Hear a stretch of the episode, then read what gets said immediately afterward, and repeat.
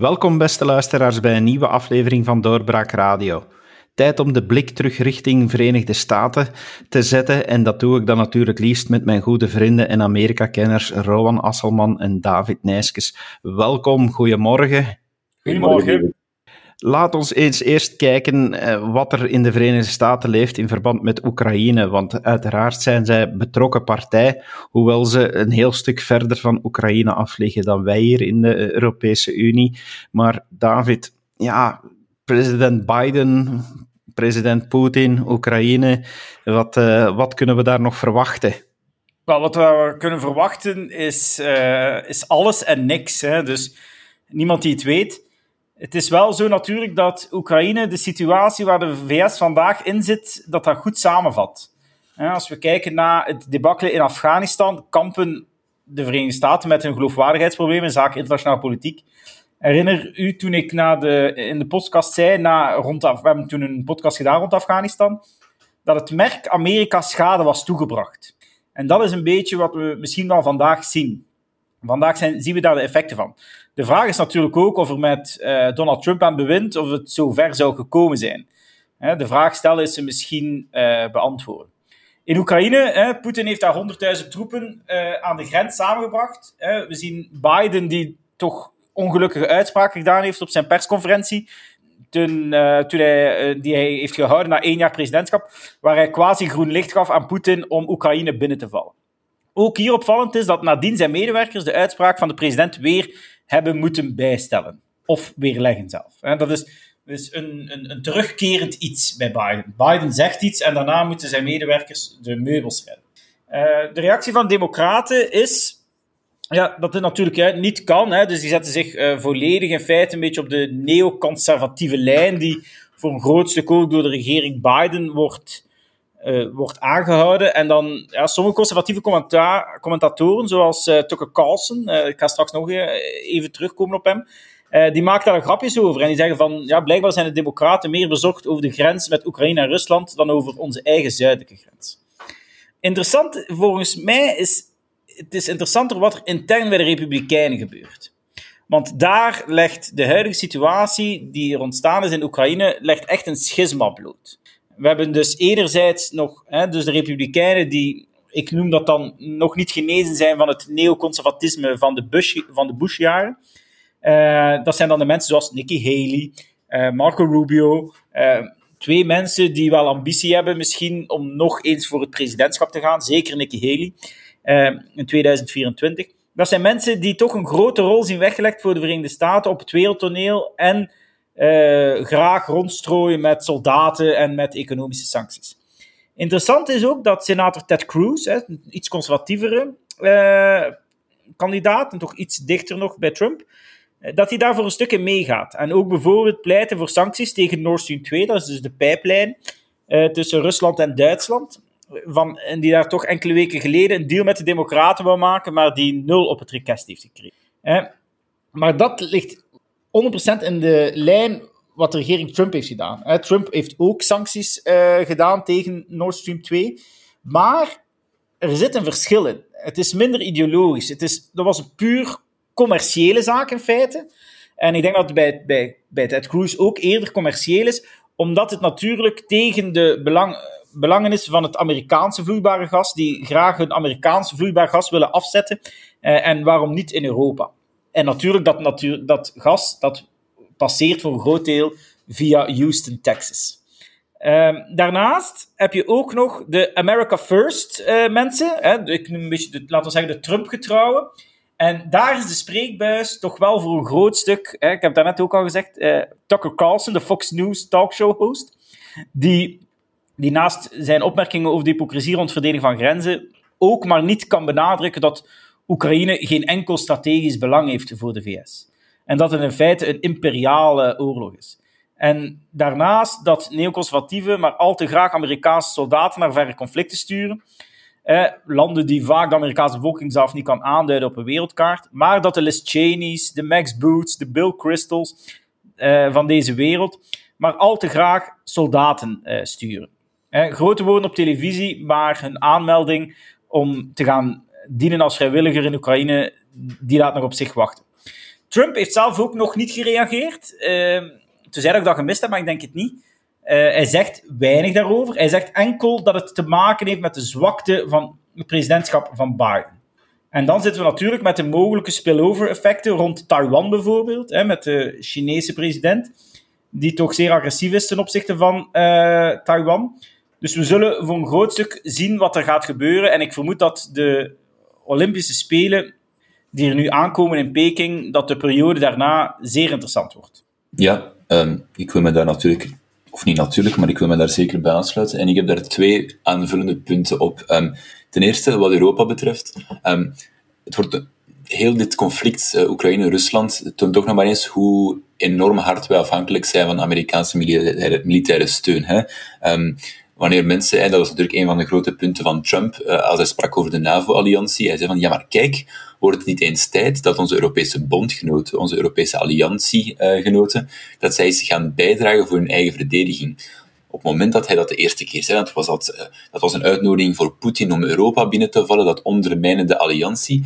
Maar daar, zoals we zien, Trump is daar helemaal niet voor nodig. Poetin heeft ambities in zijn grensgebieden. En het wordt inderdaad tijd dat Europa eens stopt met zo hard te rekenen op een land dat toch wel gekenmerkt wordt door een, ja, en doorheen de geschiedenis, hè, een niet-interventionistische, zelfs isolationistische uh, visie op de wereld. En daarmee kom ik bij mijn, kom ik bij mijn tweede punt. Um, die, die niet-interventionistische tendens, ja, die is zo oud als de Verenigde Staten. Er is een fameuze quote van, of quote of een, een uitspraak van Thomas Jefferson, hij de derde president, als ik me niet vergis, van de Verenigde Staten. Die had het al over, al in 1801 had hij het al, had het al over no entangling alliances. En, en commerce with all nations, but uh, alliances with none. Dus handel met alle naties, maar geen bondgenootschappen. Um, en dan niet veel later, 1830 of zoiets, was er die fameuze Monroe-doctrine, waarbij uh, president Monroe zei van ja, wij gaan niet uh, ingrijpen in Europa, en wat natuurlijk in 1831 heel onwaarschijnlijk was, de jonge republiek, maar Europa heeft ook geen recht om in te grijpen uh, in Amerika, op het Amerikaanse theater. Dat werd al gezien als een, als een eerste idee van de Verenigde Staten is een apart een apart continent, of ligt op een apart continent, en heeft eigenlijk geen, geen permanente banden meer met het oude continent, met de oude wereld.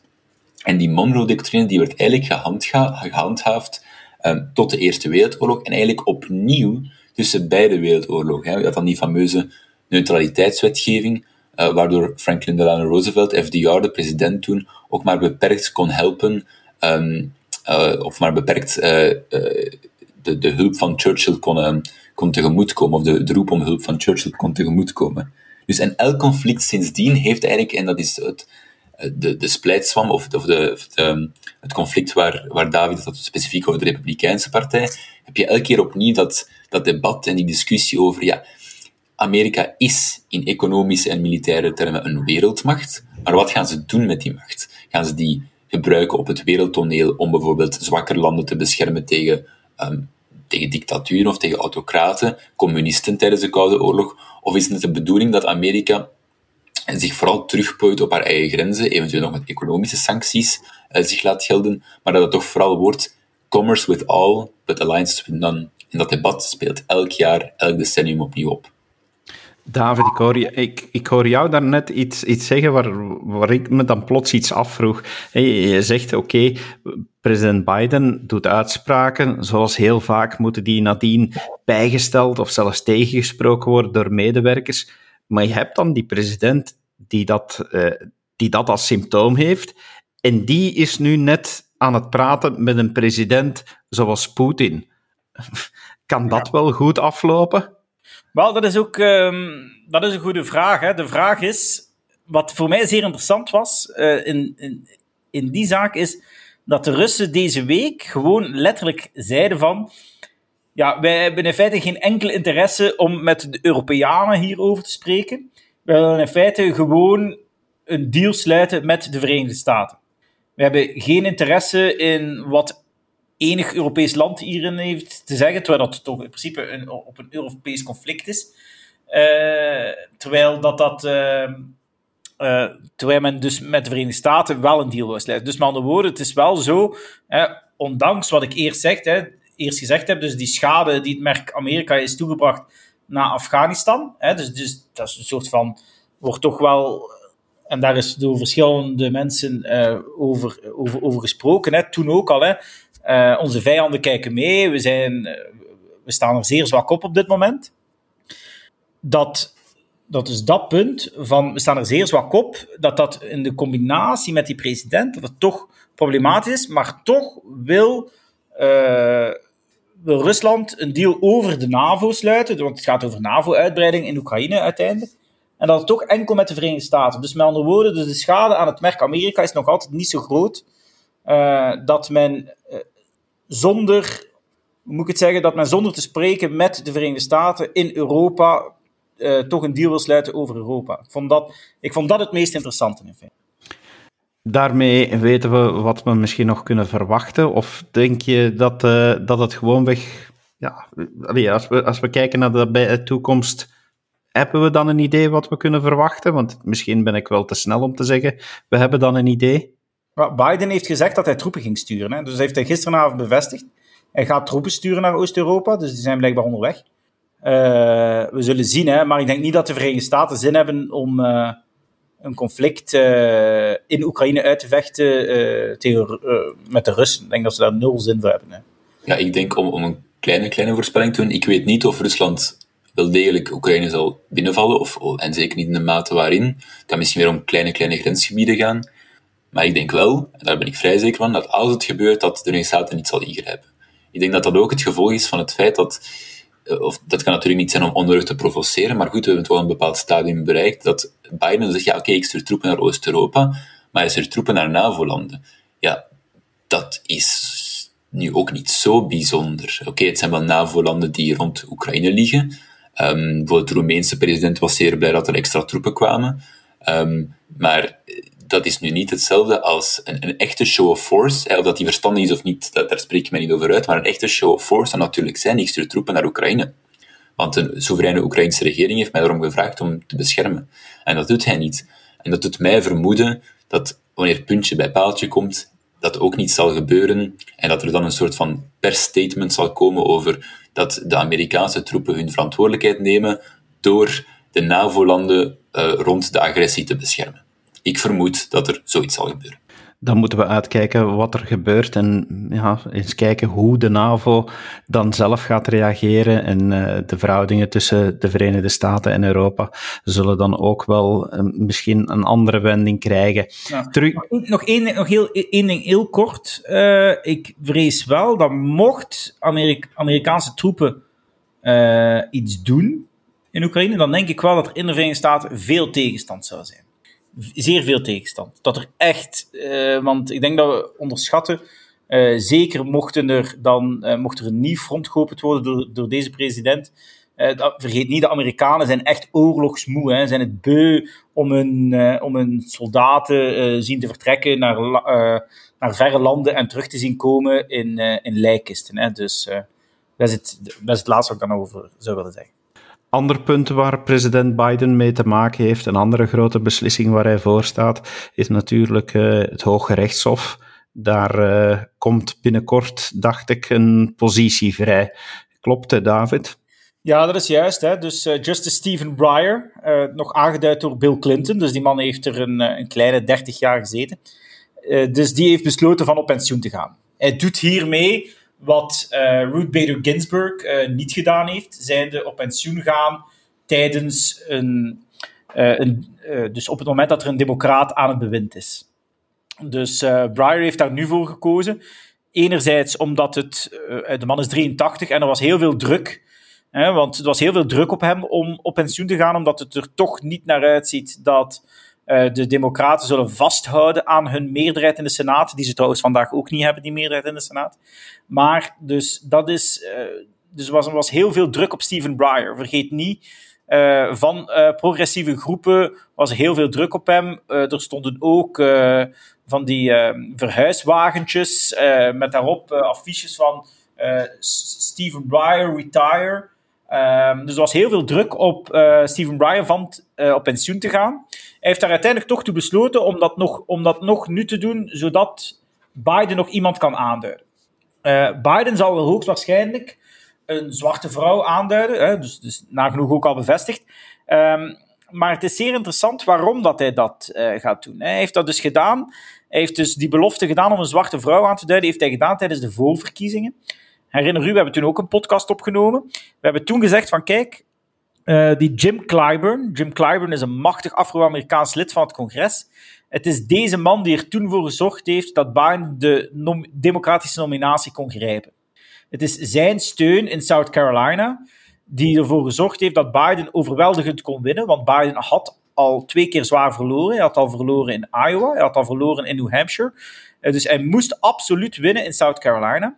En daarna was de primary ook voorbij, omdat hij daar een zodanig grote overwinning uh, binnenhaalde en de zwarte stem door Jim Clyburn in feite op slot ging en naar Biden ging. Uh, hij verklaarde, dus die Jim Clyburn, verklaarde deze week dat hij een voorkeur heeft voor Judge Childs. Dus hij heeft ook al een kandidaat. Dus een zwarte Amerikaanse die uh, voor haar benoeming staat. Circuit Court of Appeals in Washington D.C. Dat, zijn van die, dat zijn van die rechtbanken die onder het Supreme Court zitten. Um, die ook uitspraken doen over grondwettelijke zaken, maar waar men bij nog in beroep kan gaan bij het Supreme Court. zij is ook uit South Carolina. En dus is, zou het wel is, ik zet mijn geld op haar, omdat Jim Clyburn haar toch steunt en hij heeft toch zijn voorkeur uitgesproken voor haar. Daarnaast, niet vergeten, de benoeming zou wel nog moeilijk kunnen worden. Want er zal waarschijnlijk minstens één republikein moeten overtuigd worden. En omwille van het feit dat, wat we gezien hebben, bij de republikeinen is er heel veel weerstand ten opzichte eh, omdat die Senaat, die werkt niet meer zoals die vroeger werkte. Vroeger was dat allemaal zeer, hoe moet ik het zeggen, zeer beschaafd en dergelijke meer. Maar de laatste twee benoemingen, zowel van Amy Coney Barrett als van David Kavanaugh, zeker, uh, hebben de Democraten zich toch echt laten opmerken uh, met, laten we zeggen, zeer vreemde gedragingen voor parlementsleden. Uh, waarbij toch schoten onder de gordel links en rechts gebeurd zijn. Nu, waarom is het moeilijk? voor Biden, en zeg ik, heb ik daarnet gezegd dat er één republikein waarschijnlijk zal moeten kunnen meestemmen, is omwille van het feit, vandaag is de verhouding in de Senaat 50-50 en de vicepresident breekt het gelijk. De vraag is, grondwettelijk gezien, of de vicepresident dat in deze, dit geval kan doen. Er is één klein president, precedent geweest en dat is dat Mike Pence heeft in, een vorig, heeft in de vorige Senaat heeft hij ene keer een, uh, een meerderheid, uh, een taai gebroken, zoals het heet heeft hij één keer gedaan voor een lagere rechtbank. En er, is veel speculatie. Het is zo dat men bij in het, in het kamp, in, in, toen Trump president was, in het Witte Huis, dat men toen daar echt, echt vragen over had. Echt juridische vragen of het kan dat de vicepresident een taai breekt voor het Supreme Court. Dat is echt een constitutionele vraag waar men niet uit is. Um, daarnaast was ook de vraag dat heeft men ook gedaan, dat uh, Biden misschien zijn vicepresident kon nomineren. Kamala Harris was, uh, heeft naar schijnt al op de shortlist bij Obama gestaan. Kamala Harris, het zou een goede manier geweest zijn om van Kamala Harris af te komen. Kamala Harris is zeer onpopulair, uh, sla, komt niet uit de verf als vicepresident en is eerder een blok aan het been uh, van Joe Biden. Maar dus bevestigd dat zij het niet zal worden. We zullen zien of ze het taai zal moeten breken. Ja, trouwens, dat, dat, dat deel over Kamala Harris, dat, ja, dat zullen we nog wel zien, denk ik. Uh, ik, ik, ik, ik denk dat het inderdaad een verstandige manier zou zijn geweest voor, voor, voor Biden om, om van een impopulaire vicepresident af te komen. Hè, want, want Harris is toch echt wel... Ja, het is moeilijk uit te leggen aan mensen die de Amerikaanse politiek niet volgen, denk ik, om te duiden hoe slecht zij is in de job die zij doet. Ik bedoel, en dan niet inhoudelijk noodzakelijk, maar gewoon PR-gewijs. Zij is een bijzonder, bijzonder ongetalenteerde politica. En het voordeel aan Supreme Court Justices is dat die mensen niet naar de... Die zijn enerzijds zeer machtig. Dus het is interessant om daar een, een linkse juriste, want zij is een juriste ook, een linkse juriste te plaatsen, maar zij, die moeten nooit uh, de media te woord staan. Uiteindelijk zal het een perfecte job zijn voor, voor Kamala Harris. Um, ik wou nog iets zeggen uh, over, over ja, Supreme Court, waarom want de rechterlijke macht, dat is doorgaans de saaiste van de drie, hè, in België ook. Ja, tenzij het gaat over een immigratierechter die weer een, tussen quotes, wereldvreemde uitspraak doet. um, wordt er eigenlijk niet veel aandacht aan besteed. Ik denk dat er niemand de naam van een rechter van het Hof van Cassatie bijvoorbeeld kan, uh, kan benoemen. Hof is misschien nog een uitzondering, omdat dat ook wel eens uh, in de media komt. Maar goed, um, maar dat Supreme Court, dat is echt wel uitzonderlijk of uitermate machtig in de Verenigde Staten. Dat is een macht die zij zichzelf trouwens grotendeels heeft toegeëigend met enkele vroege uitspraken in haar bestaan. Um, maar je, kan een beetje zeggen dat het Supreme Court, het Hooggerechtshof, het Federaal Hooggerechtshof uh, in de Verenigde Staten, cumuleert wat in België de Raad van State, uh, het Grondwettelijk Hof en het Hof van Cassatie doen. Dus bij ons hebben, zou je kunnen zeggen, we hebben drie rechtbanken aan het hoofd van onze piramide. In de Staten staat er één. En, nog belangrijker, heel veel rechten die vandaag bestaan, of die tenminste bestaan in huidige vorm, um, die zijn er maar gekomen door uitspraken van het Hooggerechtshof. Uh, denk bijvoorbeeld aan een individueel recht op wapenbezit. Er is lang een discussie geweest van ja, het tweede amendement op de grondwet, wat bedoelen ze daar nu mee? Is dat een collectief recht voor een militie, een soort van quasi-oorlogstijd, of is dat een individueel recht voor de Amerikaan? Het, uh, het Hooggerechtshof heeft gezegd, individueel recht voor de Amerikaan. Um, homohuwelijk. Grondwettelijk Hof, uh, sorry, uh, beroepsmisvorming. Het Hooggerechtshof heeft gezegd, um, homohuwelijk, discriminatie als uh, mensen van hetzelfde geslacht niet kunnen huwen, zoals mensen van verschillend geslacht. En misschien wel de belangrijkste, en dat is waar dat, dat wordt een beetje een litmus-test, denk ik ook, binnen de partij nu, binnen de Democratische Partij, Roe versus Wade, Casey versus Planned Parenthood, abortus.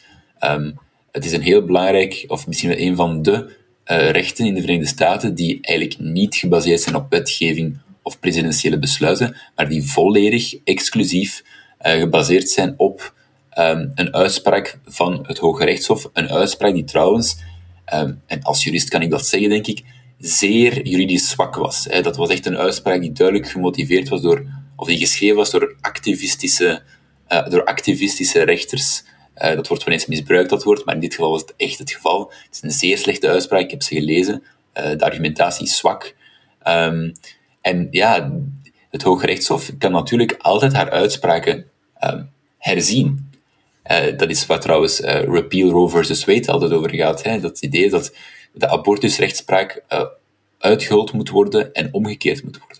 Dus daarmee dat die confirmation fights um, over hoge rechters altijd zo, of toch zeker de laatste tijd, maar dat is niet zo nieuw, altijd ontaarden in ja, een, beetje een geroep en alsof een gevoel alsof dat, ja, alsof dat de wereld of het voorbestaan van de wereld ervan afhangt. David, jij zei, oké, okay, er is een vraag of dat bij een TAI of de uh, vicepresident dat mag doorbreken. Door wie moet die vraag dan uiteindelijk beantwoord worden? Is dat door het Hoge Rechtshof zelf? Nee, dat is een politieke, dat is, uiteindelijk is dat altijd een politieke vraag. Uiteindelijk is dat altijd een politieke vraag. Maar dat is natuurlijk weer een president. Hè? Dus dat is een bijkomend president in, in het partijdig in het partijdiger worden van eh, the world's uh, biggest deliberative body. Dus uh, dat, is ook de, uh, wat men de Senaat, een andere naam voor de Amerikaanse Senaat, soort van bijnaam voor de Amerikaanse Senaat. Ja, het zou ervoor zorgen dat de Amerikaanse Senaat nog, nog partijdiger zou worden en een, het zou toch een nieuwe grens zijn die, moet worden, die zal worden overschreden. Dus ik denk persoonlijk dat de Democraten um, partijdiger zijn dan de Republikeinen in deze. En ik denk dat de Republikeinen, um, dat er wel enkele Republikeinen zullen zijn die, um, die hun steun gaan uitspreken voor de, voor de kandidaat van Biden. Omdat het uiteindelijk, ik denk dat sommige mensen gaan zeggen van kijk, uiteindelijk grondwettelijk uh, wij moeten onze, ons consent geven, we moeten onze toestemming geven. Het is natuurlijk belangrijk dat die persoon, uh, dat we daar overeenkomsten mee hebben. Maar uiteindelijk staat er natuurlijk wel in de grondwet dat de president zijn, uh, zijn hoogrechter kan, kan aanduiden. Dus ik denk dat dat een beetje een moeilijke wordt. Ik denk dat de, en ik denk dat de Republikeinen dit gaan laten passeren. En ik denk dat het, het zal wel ik weet het niet, maar ik denk Lisa Murkowski uit Alaska of zo, die zal wel haar steun geven, denk ik. Ja, er, is een traditie in de Senaat, of die traditie was er toch. dat de consentprocedure in de Senaat was lange tijd voornamelijk pro forma, in de zin dat zolang er geen, ja, geen poedel wordt afgevaardigd, of allee, zolang dat het een, een jurist is met degelijke credentials wordt afgevaardigd, wordt die wel toegelaten. Nu, anderzijds, ja, onder het presidentschap van Trump hebben we toch gezien hoe er drie uh, uitermate gekwalificeerde uh, juristen, alle drie ook ervaring als rechter in de federale rechtbanken, ja, door de democraten bijna volledig werden um, afgemaakt. Hè. Zeker Brett Kavanaugh, nu daar waren wel aantijgingen van seksueel misbruik, maar goed, die waren niet bewezen. Um, um, maar we zien daar toch hoe dat die consentprocedure toch echt wel een politiek gevecht geworden is onder het presidentschap van Trump. Ik heb nog eens gecheckt, um, Stephen Breyer, die is denk ik benoemd met 87 van de 100 stemmen voor. 87. Dat is bijna, dat is bijna stalinistisch. Um, de, Trump-nominees die zijn benoemd met respectievelijk 54, 50 en 52 stemmen voor. Dat zijn, dat zijn kleine meerderheden, zeker als je weet dat de Republikeinen een meerderheid hadden. Dus ik denk dat dat misschien gaat over één of twee democraten links en rechts die voor uh, die, uh, die kandidaat rechter hebben gestemd. Dus ja, net zoals de uitvoerende macht en de wetgevende macht, is ook de rechterlijke macht eigenlijk een beetje volledig vervallen in politiek gehakketak en politieke, politieke strijd. Rowan, deze benoeming, zorgt die voor een verandering in het Hoge Rechtshof? Uh, hoe zit de verhouding wanneer daar nu meer progressieve rechter wordt benoemd? Nee, niet echt. Um, uh, Stephen Breyer is een, ik denk als je hem zou zetten op, op, een, op een schaal van meest progressief tot meest conservatief, dan zou ik zeggen dat hij de tweede meest progressieve rechter is vandaag. Ongetwijfeld, of de derde misschien, maar zeker Sonia Sotomayor is, is, is linkser en ook veel activistischer dan hij zelf. Um, wat er dus eigenlijk gaat gebeuren is een, een, een wissel, uh, allez, of er gaat een democratische, je moet een beetje opletten met partijkaarten toe te schrijven aan rechters zelf, maar een door een democraat benoemde rechter wordt vervangen door een democraat benoemde rechter. Dat zal er gebeuren. Bij Trump, om dan terug te komen, alles, alle wegen leiden naar Trump, um, daar zijn interessantere zaken gebeurd. Daar is ten eerste Ruth Bader Ginsburg, zoals David al aanhaalde, vervangen door een conservatieve uh, rechter, Amy Coney Barrett. Dus dat was een links door een rechtse rechter. En eigenlijk Anthony Kennedy, die is wel benoemd geweest door een republikein. Um, die is ook op pensioen gegaan tijdens het presidentschap van Trump. Maar Kennedy was eigenlijk een door een republikein benoemde rechter die dan wel vervolgens, zeker op cruciale vra vraagstukken, tamelijk links stemde. En vaak met de liberale rechter samenstemde. En die heeft hij vervangen door Brett Kavanaugh, ook niet de meest rock-ripped conservative, maar toch rechtser of conservatiever uh, als jurist dan Kennedy. Dus nee, deze keer zal er niet, niet al te veel veranderen wat er ook gebeurt. Wat misschien dan wel belangrijk wordt, uh, het Hoge Rechtshof gaat misschien wel een belangrijke vraag uh, krijgen in verband met de hele discussie omtrent de voting rights. Want uiteindelijk, voor zover ik het begrijp, uh, Rowan, is dat toch ja, een, een, geschil tussen enerzijds wat de staten zelf willen beslissen, wat Biden dan doet met een federale wet. Ehm, ja, misschien moet je dat toch even allemaal maar, maar toelichten en, en eens vooruitblikken wat er gaat gebeuren. Dat wil ik zeker doen. Um, ja, ik zei net alle wegen leiden naar Trump. Ook hier, sommige van die zaken beginnen een beetje bij de presidentsverkiezing van 2020. Uh, in 2020 zijn er bepaalde uh, pandemie-gerelateerde noodmaatregelen genomen om de verkiezing van uh, de presidentsverkiezing en de andere verkiezingen van november um, relatief vlot te doen verlopen. Nu, sommige van die um, zaken zijn nogal, of toch zeker volgens Republikeinen, ten eerste niet bijzonder wettig of grondwettig zelf, en anderzijds gaan toch wel de integriteit en de veiligheid van verkiezingen ondermijnen.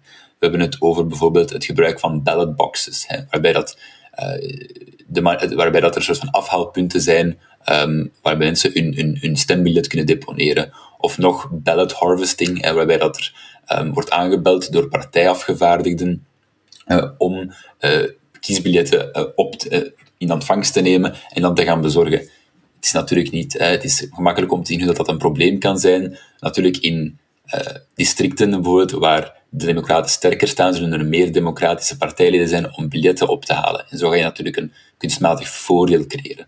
Om maar twee voorbeelden te noemen, maar het punt is, ehm, dat er dus nu republikeinse wetgeving in verschillende republikeinse staten wordt aangenomen, uh, of wordt geïnitieerd, wordt voorgesteld, om de wetgeving rond het uitbrengen van een stem um, strikter te maken. Um, of om de, en, en of om de uh, election integrity te versterken. We hebben het dan bijvoorbeeld over wetgeving die gaat over um, welke, welk identiteitsbewijs, dat is, een belangrijk punt, welk identiteitsbewijs kan je voorleggen um, om je identiteit te bewijzen wanneer je gaat stemmen. Nu, die, die voting restrictions, hè, zoals dan vooral door democraten wordt genoemd, die, de democraten zeggen, kijk, eigenlijk is dat een indirecte manier om democratische groepen, of groepen die normaal gezien democratisch zouden stemmen, het stemmen te ontzeggen. En dan worden er ja, superlatieven gebruikt en, en, en hyperbolen en, en vergelijkingen gemaakt met de jaren 60, waarbij dat, waarbij dat Afro-Amerikanen, want het gaat natuurlijk vooral over Afro-Amerikanen, het stemmen wordt ontzegd door gewapende groepen of door, um, of door uh, alfabetisme-testen of door belastingen die moeten worden betaald aan de, aan de stembus, dat soort zaken. Natuurlijk allemaal enorm overdreven, ook niet correct uh, en zeer polariserend. Um, de president heeft trouwens gezegd, ja kijk, aan wiens kant wil je staan? En dan zei hij drie namen, nu moet ik even denken. Hij zei Jefferson Davis, dat was de dat was de president van de slavenhoudende confederatie. Uh, Bull Connor, dat was de politiecommissaris of het equivalent ervan van, uh, van Montgomery, Alabama, waar Martin Luther King uh, marcheerde. Um, en dan nog Bull Connor, uh, en, George Wallace, dat was een, een senaat of een gouverneur uit het zuiden die ook een hele belangrijke rol speelde in de anti-burgerrechtenwetgeving. En enerzijds, als je de federale wetgeving van Biden niet steunde, als je, of, ja, en als je ze wel steunde, dan was je Martin Luther King, dan was je Abraham Lincoln, of dan was je kan David misschien nog aanvullen? Ik ben even de derde naam vergeten. Nee, niet zo belangrijk. Uh, maar dan was je dus een van de goeden. Daar komt eerst, je aan de juiste kant van de geschiedenis. Um, die wetgeving waar ik over sprak, die Biden-wetgeving, die zou eigenlijk ervoor zorgen, in het kort, dat er een federale overname is van het kiesproces. Dat is een beetje overdreven, maar dat valt goed samen in één zin. Het zou bijvoorbeeld eh, betekenen dat er bepaalde minimumeisen zijn aan early voting, eh, aan mail balloting, dus dat je tijdens een periode voor verkiezingsdag kan stemmen, dat je per post kan stemmen. Het zou ook betekenen, dat is een belangrijke denk ik wel, dat de identificatiebewijzen die je kan gebruiken om aan te tonen, kijk, ik ben persoon X en ik wil stemmen als persoon X, dat die eigenlijk worden ja, afgezwakt in alle staten. Hè? Dat je bijvoorbeeld kunnen stemmen door een energiefactuur uh, te tonen. En zelfs, en zelfs door een uh, sworn statement, hè, dus dat een andere persoon die wel een identiteitsbewijs heeft, dat die zou kunnen zeggen, um, ik garandeer dat deze persoon in deze staat woont en hier kan stemmen. Zodat je zelfs geen ID zou moeten voorleggen. Zover gaat die wet.